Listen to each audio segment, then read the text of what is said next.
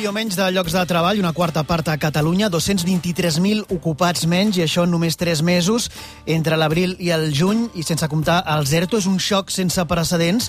Ni en els pitjors anys de crisi s'havia registrat un descens tan pronunciat de l'ocupació, dades que vam conèixer ahir, 13% d'atur a Catalunya, i que avui, al matí de Catalunya Ràdio, volem comentar amb el conseller de Treball, Afers Socials i Família, Shakira Homrani. Bon dia.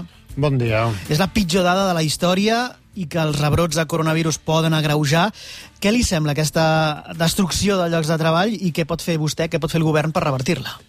La EPA d'aquest d'aquest trimestre és el, la primera dada real de l'impacte real de la crisi sanitària del COVID, de la Covid-19. És la primera dada real i mostra el nivell d'impacte que fa temps que estem assenyalant, que és molt elevat, en el món del treball, en el teixit econòmic i en l'ocupació de les persones. Eh, tota aquesta destrucció d'ocupació costarà molt remuntar-la. I el que és més perillós i més preocupant de les dades mostra que encara que hem sortit de, del moment de confinament fort, encara tenim moltes empreses molt adormides que estan a l'expectativa de com evolucionarà la situació econòmica. I aquí situem una preocupació que des del primer moment hem tingut. El repte serà a la tardor que els CERTOs no es converteixin en EROs, perquè aquestes dades és sense, sense comptar ERTO. Sense comptar els ERTO, de fet, això li volia preguntar. Prop de la meitat dels més de 727.000 treballadors afectats per aquests ERTO han deixat d'estar en aquesta situació, som les dades de finals de juny, és a dir, que s'han reactivat un 47%, gairebé la meitat dels llocs de treball a Catalunya afectats per un ERTO. No sé si vostè ens pot actualitzar aquesta xifra, però estarà d'acord que la meitat és encara insuficient per eh, remuntar l'activitat econòmica. Necessitem que el teixit econòmic eh, actui de forma no tan conservadora, que pugui veure i ressorgir econòmicament.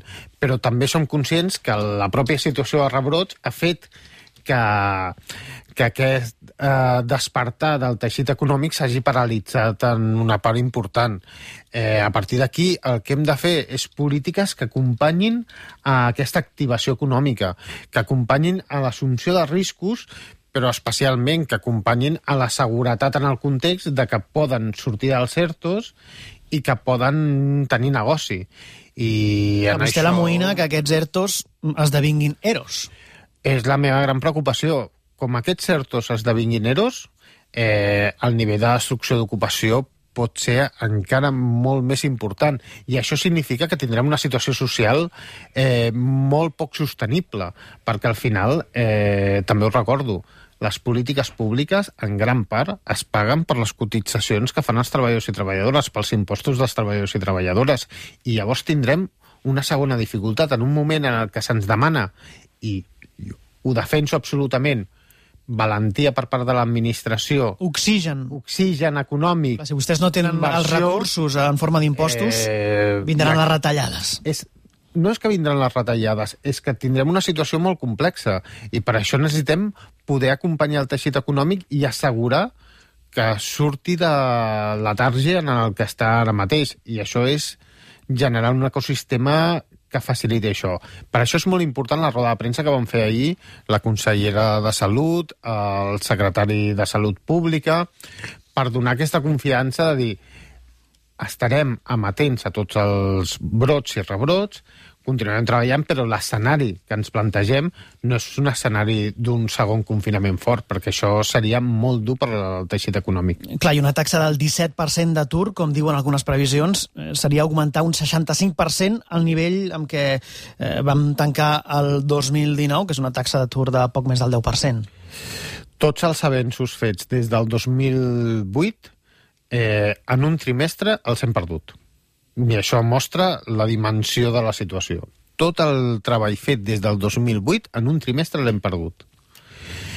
Eh, L'escenari serà complex i el que hem d'aconseguir és que sigui un parèntesis. És que sigui un parèntesis més llarg del que pensàvem, perquè la situació de pandèmia durarà un any i aquesta situació de brots i rebrots durarà temps, i això tots els epidemiòlegs ens ho han dit, però hem d'acompanyar i assegurar la cadena de pagaments. Conseller, disculpi que l'interrompi breument l'entrevista un moment, eh, perquè podem saludar l'exconseller Josep Rull després de la notícia eh, de la suspensió d'aquests tercers graus d'Oriol Junqueras, Raül Romeva, Jordi Sánchez, Jordi Cuixart i Joaquim Forn. Eh, podem saludar breument l'exconseller Josep Rull, bon dia. Hola, molt bon dia. Eh, Com està? Clar, vostè ara, previsiblement, li queden unes hores d'aquesta eh, mal anomenada semillibertat, d'aquest tercer grau. Com, com ho està vivint? Doncs, home, molt, molt neguit, però molta fermesa i molta determinació. Nosaltres, la presidenta Forcadell, la consellera Bassa, el conseller Turull i jo mateix, estem en una mena d'espasa de Damocles. Sabem que en un moment o altre sortirà els escrits de la, de la Fiscalia i que immediatament, en el cas dels que som alladoners, com a mínim, uh -huh. la jutgessa serà ràpida, fulminant, implacable a l'hora de dictar les providències d'ingrés a presó. I, per tant, cada, cada minut que som fora l'estem intentant esprement com, com podem. Li agraïm que, que ens dediqui un, uns minuts. Eh, Previsiblement això podria ser avui. Podria ser avui, podria ser avui, podria ser demà. Em, Aquesta és la incertesa a la qual ens sotmeten no nosaltres, que ja hem passat per tantes coses, em, diguem-ne que tenim una capacitat de resistència considerable. El patiment és a les nostres famílies, és a, a la mare, els fills, a la meva dona...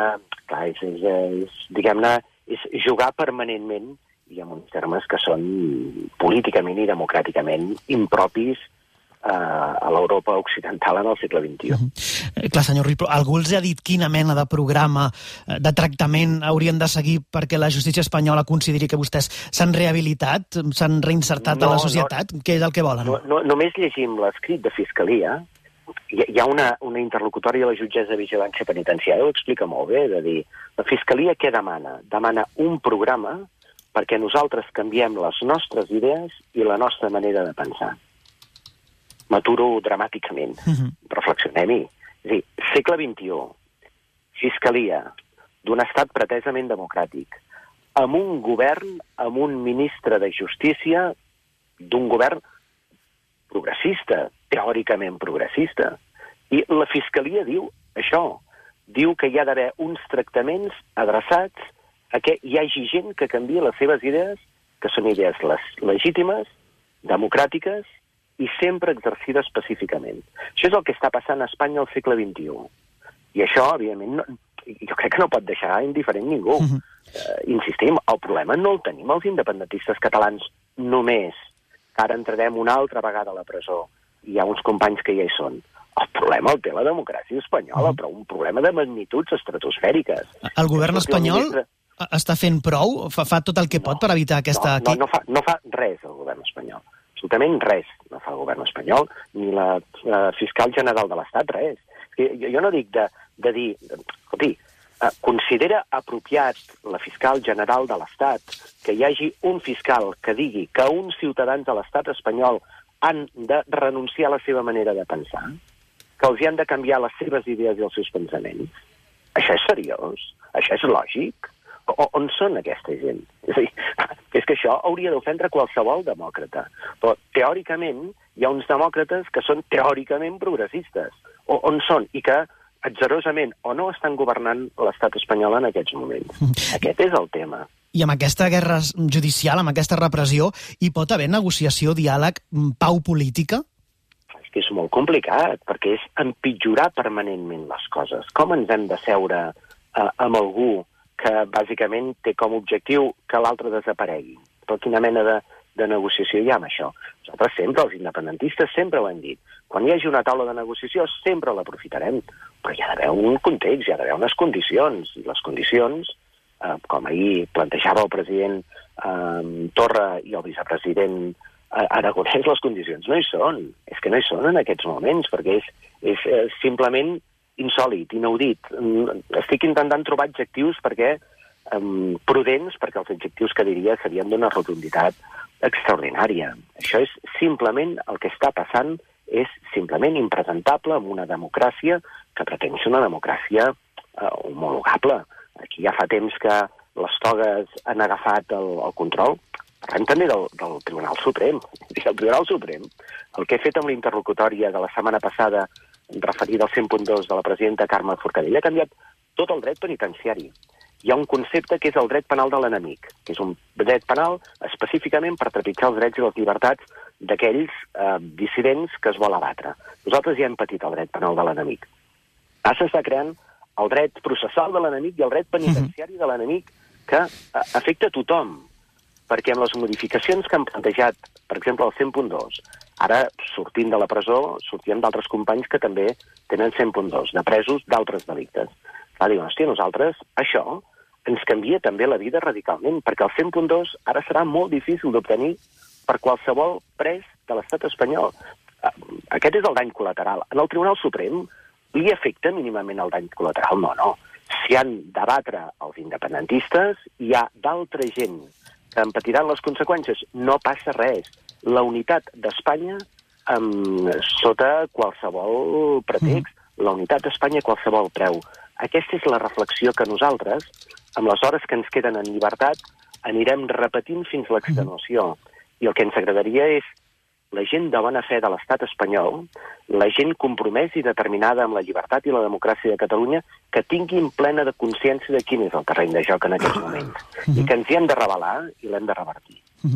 La Fiscalia parla de sensació d'impunitat si, este, si a vostè no, no l'haguessin rebut així a la seva ciutat, a Terrassa, si no volgués seguir fent política, fent campanya. Creu que el Suprem hauria pres aquesta decisió? Seria exactament el mateix. Seria exactament el mateix. Miri, jo en el judici, a mi, jo ho he repetit moltes vegades, però poso l'exemple aquest. A mi m'han condemnat a 10 anys i mig per no haver deixat amarrar un barco amb policies i guàrdies civils a Palamós, que tècnicament i jurídicament no ho podia fer, hagués prevaricat, uh -huh. i per haver no cedit un local de votació. En el judici, el meu advocat, jo, jo volia fer una intervenció molt més contundent que la que vaig fer. I el meu advocat em diu, no, no, de bona fe, perquè tinc un excel·lent advocat, Jordi Pina. No ho facis, no ho diguis, compte, no diguis que... Um, bueno, clar, aquells guàrdies civils després van anar a pagar la gent, van anar a tonyinar gent, van anar a fer mal jo volia dir, no ho diguis, no fos cas. És igual, la sentència estava preparada. 10 anys i mig, és igual el que diguis, el que facis, si t'expressis, si no t'expresses, que t'acullen en el teu ajuntament, que no t'acullen, que fes uh, entrevistes, que no en fes. Tot està escrit, tot està escrit. I el Tribunal Suprem sembla que diuen, a Madrid, en el Madrid polític, que Marchena ha estat massa tou amb la sentència, que ens havien d'haver condemnat per rebel·lió, i que el Suprem va ser, diguem-ne, massa, en castellà en diuen timorato. I ara volen revertir aquesta imatge castigant-nos severíssimament amb temes de dret penitenciari. Tant fa que fem declaracions o no, eh? que fem l'acte ahir d'entrar a la presó o no. Uh -huh. I això han agafat un full de ruta que és anem a castigar amb totes les conseqüències. Això és el que està passant en aquests moments. Uh -huh. Conseller Josep Rull, molts ànims. Esperem poder tornar a parlar ben aviat amb vostè. Bon dia. Molt bon dia, moltíssimes gràcies. I li agraïm que hagi dedicat aquests pocs minuts que li queden de permís i sobretot també al conseller Shakir Homrani. Gràcies per la comprensió, perquè només ens podia atendre ara. Aprofito per preguntar-li què li sembla eh, que la justícia hagi suspès aquest tercer grau de, dels presos. Mostra que els aparells de l'Estat no volen cap tipus de solució, de diàleg, de negociació, i el que crec que també haig de dir, i haig de dir de forma molt clara, el govern de l'Estat no es pot seguir amagant en la separació de poders. No es pot seguir amagant. S'amaga darrere de la separació de poders per no prendre decisions polítiques. Decisions polítiques que ells han dit que volien prendre i que volen mantenir la situació. I ho dic amb aquesta claretat perquè hi ha vies polítiques. I la via política més clara per evitar aquesta mirada retrògrada dels aparells judicials és l'amnistia. L'amnistia. L'amnistia no té res a veure amb jutges ni amb fiscals. És una decisió política, política. del govern de l'Estat. I això ajudaria a l'hora de poder iniciar amb força una taula de negociació de diàleg i de superar la situació política, perquè és una situació política, encara que ells vulguin que sigui judicial, en la que vivim.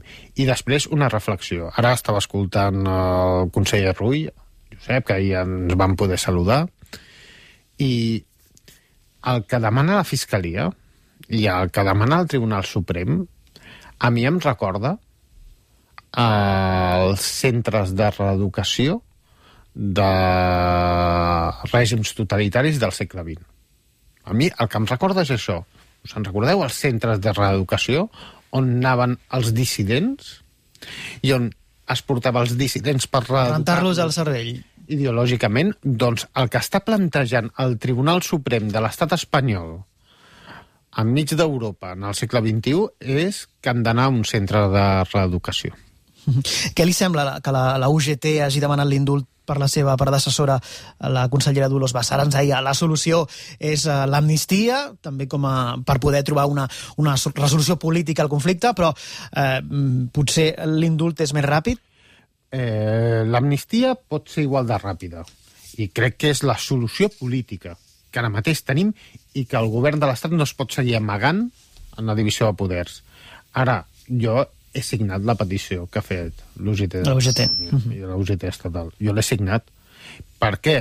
Perquè en el mentrestant, quan menys temps passin i quan menys temps passi l'amiga Dolors, la consellera Bassa a presó, millor. Uh -huh. I el que té una importància és que és una petició d'indult feta i signada per molta gent que no és independentista. Uh -huh. I això sí que hauria de fer reflexionar, perquè ha sigut més valenta l'UGT, el secretari general de Comissions de Catalunya, que també l'ha signat, eh, responsables patronals, el secretari general confederal de l'UGT, que tot aquest govern més progressista i més d'esquerres que tenim a l'Estat i que en un any i escaig no han fet cap moviment polític. Uh -huh. Tornem al ERTO. Com, com pot ser que després de tants mesos hi hagi tants treballadors que no han cobrat encara eh, o que han trigat molts mesos en cobrar? Eh, quina solució té això? Em dirà que, evidentment, la responsabilitat no de la Generalitat, però què pot fer vostè per mm, alleugerir aquest problema? Nosaltres, en més de 10 ocasions, ens hem ofert per ajudar al Ministeri de Treball. Per gestionar-ho directament? Sí, sí, per dir, eh, el que necessiteu, necessiteu que els nostres tècnics es posin a depurar llistats? depurem. Necessiteu que puguem donar la informació als ciutadans i ciutadanes, als treballadors i treballadors afectades? Ens fiquem. Necessiteu eh, habilitar més suport informàtic? Ens fiquem. A través del Servei d'Ocupació de Catalunya, per exemple. Servei d'Ocupació. I la resposta ha sigut tranquils no fa falta. Tranquils, però encara hi ha quan se la xifra de... És que el gran problema, el gran problema és que no es vol acceptar que la gestió ha sigut un desastre i que no s'ha volgut abordar, perquè al principi es pot entendre. Tots tenim una pressió. Però després, quan ha passat un mes, dos mesos, que ja ha passat aquesta pressió d'inici, has d'acceptar que tens un problema. És que la resposta pública és ja està solucionat. I això és mentida tots tenim un familiar, Coneguts. un amic, un conegut, una amiga que o no ha cobrat, o ha cobrat menys, o ha cobrat més. Vostè té xifres de quants afectats hi pot haver encara? Nosaltres, eh, l'última aproximació que vam poder fer estava entorn dels 30.000 però mai ens han volgut donar les xifres oficials. Les xifres oficials. Vostè sí que van oferir una ajuda, per exemple, de 200 euros al Departament de Treball a finals d'abril, però clar, es va esgotar de seguida, entenc. A quantes llars creu que van arribar? Van arribar a 100.000 llars. I 100.000 llars, i en dues setmanes... Estava fet. Estava esgotat. Estava esgotada la partida. I tornaran?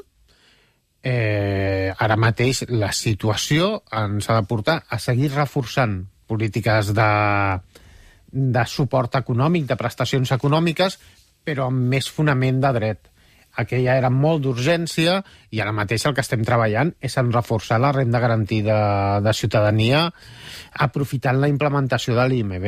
L'IMB, l'ingrés mínim vital, aquesta renda garantida, fa un mes i mig eh, que es va posar en marxa, és aquesta prestació social per combatre, combatre la pobresa extrema. Eh, tot just ara el Ministeri de Seguretat Social ha anunciat que posa en marxa un protocol informatiu amb les comunitats autònomes per, diu, millorar-ne la gestió. Funciona a Catalunya aquest protocol? No, ara mateix no està funcionant. Amb l'IMB tenim el mateix perill que amb les prestacions dels ERTOs i pot acabar passant el mateix. Tenim dues declaracions del Consell de Govern de la Renda Garantida demanant el traspàs i la coordinació. No ho han volgut i nosaltres ja el que hem decidit és fer una passa endavant. I fer la passa endavant és un recurs d'inconstitucionalitat, perquè també hem repassat l'Estatut d'Autonomia de Catalunya i l'Estatut d'Autonomia de Catalunya ho diu clarament. La competència en el reconeixement i la gestió de les prestacions no contributives és de la Generalitat de Catalunya. I el que farem és aquest recurs d'inconstitucionalitat perquè ja que no tenen voluntat de negociar, ens hem ofert, vam treballar prèviament a la publicació de la llei eh, explicant la nostra mirada, amb un diàleg honest, franc, directe. Ells ara mateix no volen donar resposta recurs d'inconstitucionalitat perquè tenim una base jurídica i forçar-los a que puguem fer-ho bé pels drets dels ciutadans i les ciutadanes. És a dir, anunci del conseller de Treball, Shakir El Homrani, al matí de Catalunya Ràdio, la Generalitat presentarà un recurs d'inconstitucionalitat eh, sobre, perquè no passi amb l'ingrés mínim vital el mateix que està passant, que ha passat amb els, amb els, amb, amb els ERTO, que, que, que la gent que té dret a cobrar-los o, els ha cobrat malament o no els ha cobrat. És que el que li hem dit al govern de l'Estat és que és de sentit comú. Necessitem una finestreta única. Tenim la renda garantida, ara l'ingrés mínim vital, ha d'haver-hi una finestreta única per tots els ciutadans. Uh -huh. No els podem... No podem... I fer potser com el País Basc i, i a Navarra. És que l'objectiu és aquest, i l'Estatut d'Autonomia de Catalunya ja està en vigor, diu que aquestes competències són exclusives de la Generalitat, la de les prestacions no contributives. Aquest ingrés mínim és important. Estem parlant de que hauria d'arribar a unes 300.000 persones a Catalunya, això és el 4% de la població. Eh, la renda garantida arribava fins al juny a més de 130.000, eh, 83.000 llars, és a dir, anem molt més enllà. Anem molt més enllà. Jo crec que els 300.000 és una mirada una miqueta optimista, Això són càlculs del Ministeri. Però és una mirada optimista. Jo em miro els requisits i crec que és optimista. Ara, el que sí que és veritat és que l'ingresso mínim vital és una bona notícia i que si la treballem bé, alineada amb la renda garantida, podem créixer en capacitat de cobertura de forma molt, molt important. I créixer en capacitat de cobertura significa arribar a més veïns i veïnes, ciutadans i ciutadanes del nostre país que estan en situació de dificultat. I aquest és l'objectiu. Amb aquest ingrés mínim, vostès s'estalviaran els diners de la renda garantida? No sé si els reinvertiran. ens estalviarem, si es pot dir estalviar, una part. I el que també ja estem treballant és en quina manera eh, aquest estalvi l'utilitzarem en la pròpia renda garantida per col·lectius que ara mateix no puguin entrar a l'ingresso mínim vital i no puguin entrar a la renda garantida puguin entrar a la renda garantida de manera directa. I aquí estem analitzant diversos escenaris. La possibilitat de fer un model més similar al basc on entrin aspectes vinculats a l'habitatge eh, o l'escenari de poder cobrir eh, gent que estan en situació de molta precarietat laboral, i, però que puguin comptabilitzar ingressos del món del treball i, i ingressos de prestacions que ara mateix es poden comptabilitzar però és restringit i en això, amb el Consell de Govern, amb les entitats, amb els sindicats, amb les patronals, ho treballarem de forma conjunta, que és com treballem en la renda garantida. Estem parlant d'uns 462 euros al mes. El que és l'ingresso mínim vital, sí. La renda garantida és més elevada. Uh -huh. I llavors el que farem és que tothom 664 euros era la renda garantida. I el que farem és que, per exemple, qui tingui l'ingresso mínim vital eh, tindrà també el complement per part nostra uh -huh. per arribar a la quantia de la renda garantida, que és més elevada. Hem convidat al matí de Catalunya Ràdio el conseller de Treball també perquè aquesta setmana, en principi, s'acaba el període de negociació de l'ERO de Nissan. Com estan les coses? Ahir va haver-hi mediació per part del departament, avui torna a haver-hi mediació. Eh, únicament s'han trobat les parts quan hem convocat el departament.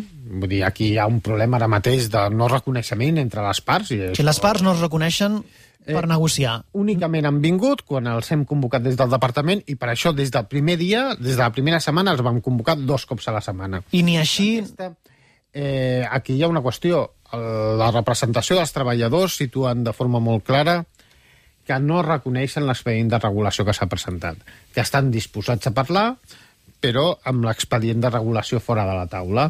I l'empresa, en aquest sentit, es bloqueja. Nosaltres el que estem és intentant ajudar a trobar aquell espai on es pugui avançar i el més important, on puguem defensar els jocs de treball industrials que representa la Nissan. No sé si és realista a aquestes alçades pensar que, que es podrà evitar el tancament de les factories de la zona franca, de Montcada i Reixac, de Sant Andreu de la Barca... Eh, ens pertoca treballar en aquest escenari perquè crec que, o com a mínim, treballar en un escenari en el que el manteniment dels jocs de treball industrials i vinculat a l'automoció és important, perquè el drama de Nissan, que és un drama molt important, no és únicament els gairebé 3.000 treballadors de la Nissan que treballen a Catalunya, és tota... Les petites empreses... Auxiliar.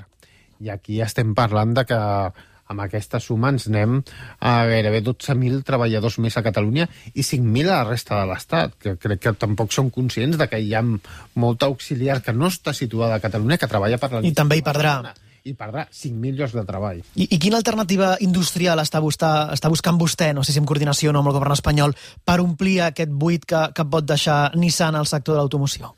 Aquí hi ha un treball conjunt entre el Ministeri d'Indústria i el govern de la Generalitat i el que sí que tenim molt clar és que ha de ser una alternativa si es genera eh, o un manteniment, perquè aquí també hem de situar, i jo ho fico sobre la taula, Nissan forma part d'una aliança, d'una aliança on Renault encara té centres de treball eh, a la península ibèrica aquí pot haver-hi un punt de correspondència entorn d'aquesta aliança. Però el que tenim molt clar és que el futur ha de ser vinculat a l'automoció.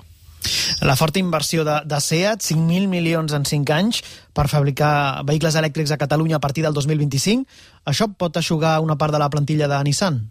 Això el que ens mostra és que l'altre gran pilar de l'automoció al nostre país ara mateix està en bones condicions. Però si em permet, i com que parlo des de l'administració, el missatge de SEAT és molt potent, però també ens situa a les administracions un repte.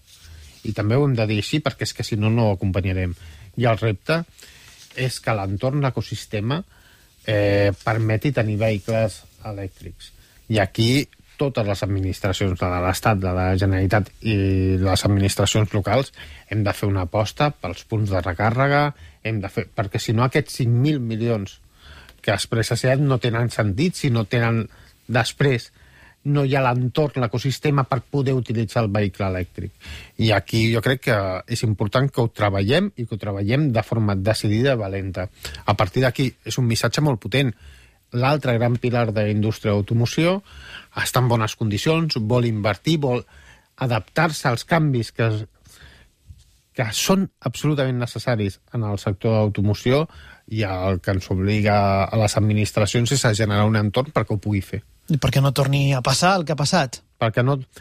Al final, el tema de Nissan, que jo crec que encara estem en vies de poder trobar una solució i hem d'explorar fins a l'últim fins a l'últim segon de la partida, eh, és un exemple d'una situació que ja feia dècades que venia amb aquest, amb aquest, eh, amb aquest mal auguri.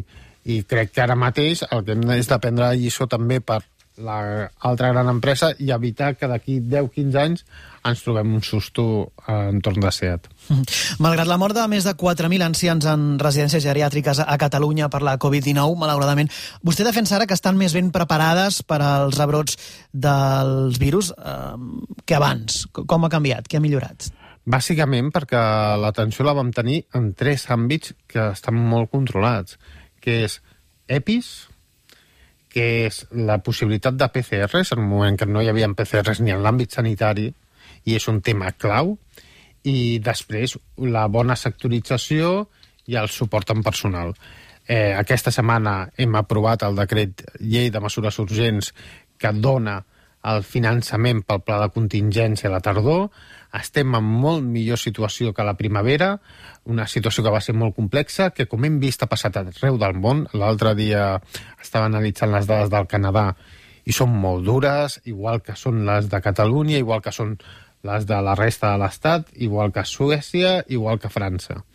Eh, però el que pertoca ara és estar el millor preparat possible davant d'una realitat que no variarà que no varia ni a residències, ni a hospitals, ni a les llars. Les persones més vulnerables davant d'aquesta malaltia són les persones grans, amb patologies prèvies.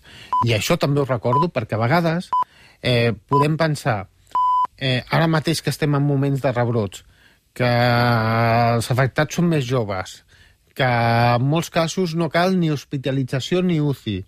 Recordem-ho, som una societat i en la societat hi ha contactes entre tots i quan arriba una persona gran amb patologia prèvia, la malaltia és molt més dura. I llavors aquí és quan tots i totes hem d'actuar amb la màxima responsabilitat possible. Conseller, la competència de la gestió de residències geriàtriques tornarà a Afers Socials i Famílies una vegada passi la pandèmia o s'hauria de quedar a Salut? Vostè què en pensa? No, a veure, el paper de l'àmbit social, al final una residència és un equipament social. Eh, una residència no volem passar els últims anys de la nostra vida en una habitació d'hospital. I eh, amb aquesta resposta el que dic és que el paper de l'àmbit social és clau.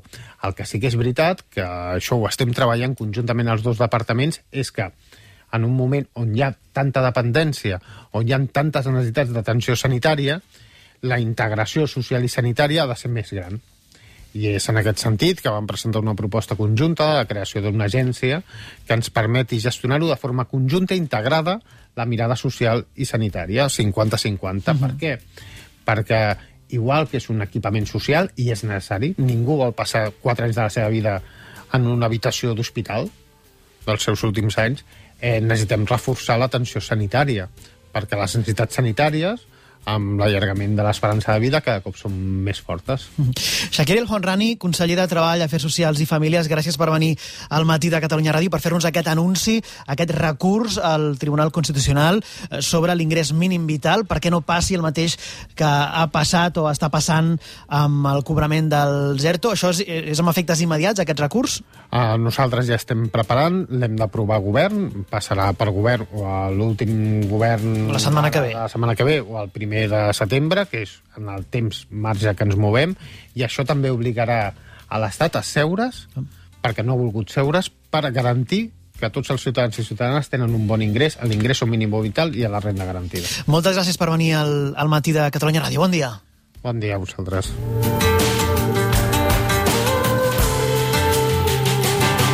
El matí de Catalunya Ràdio.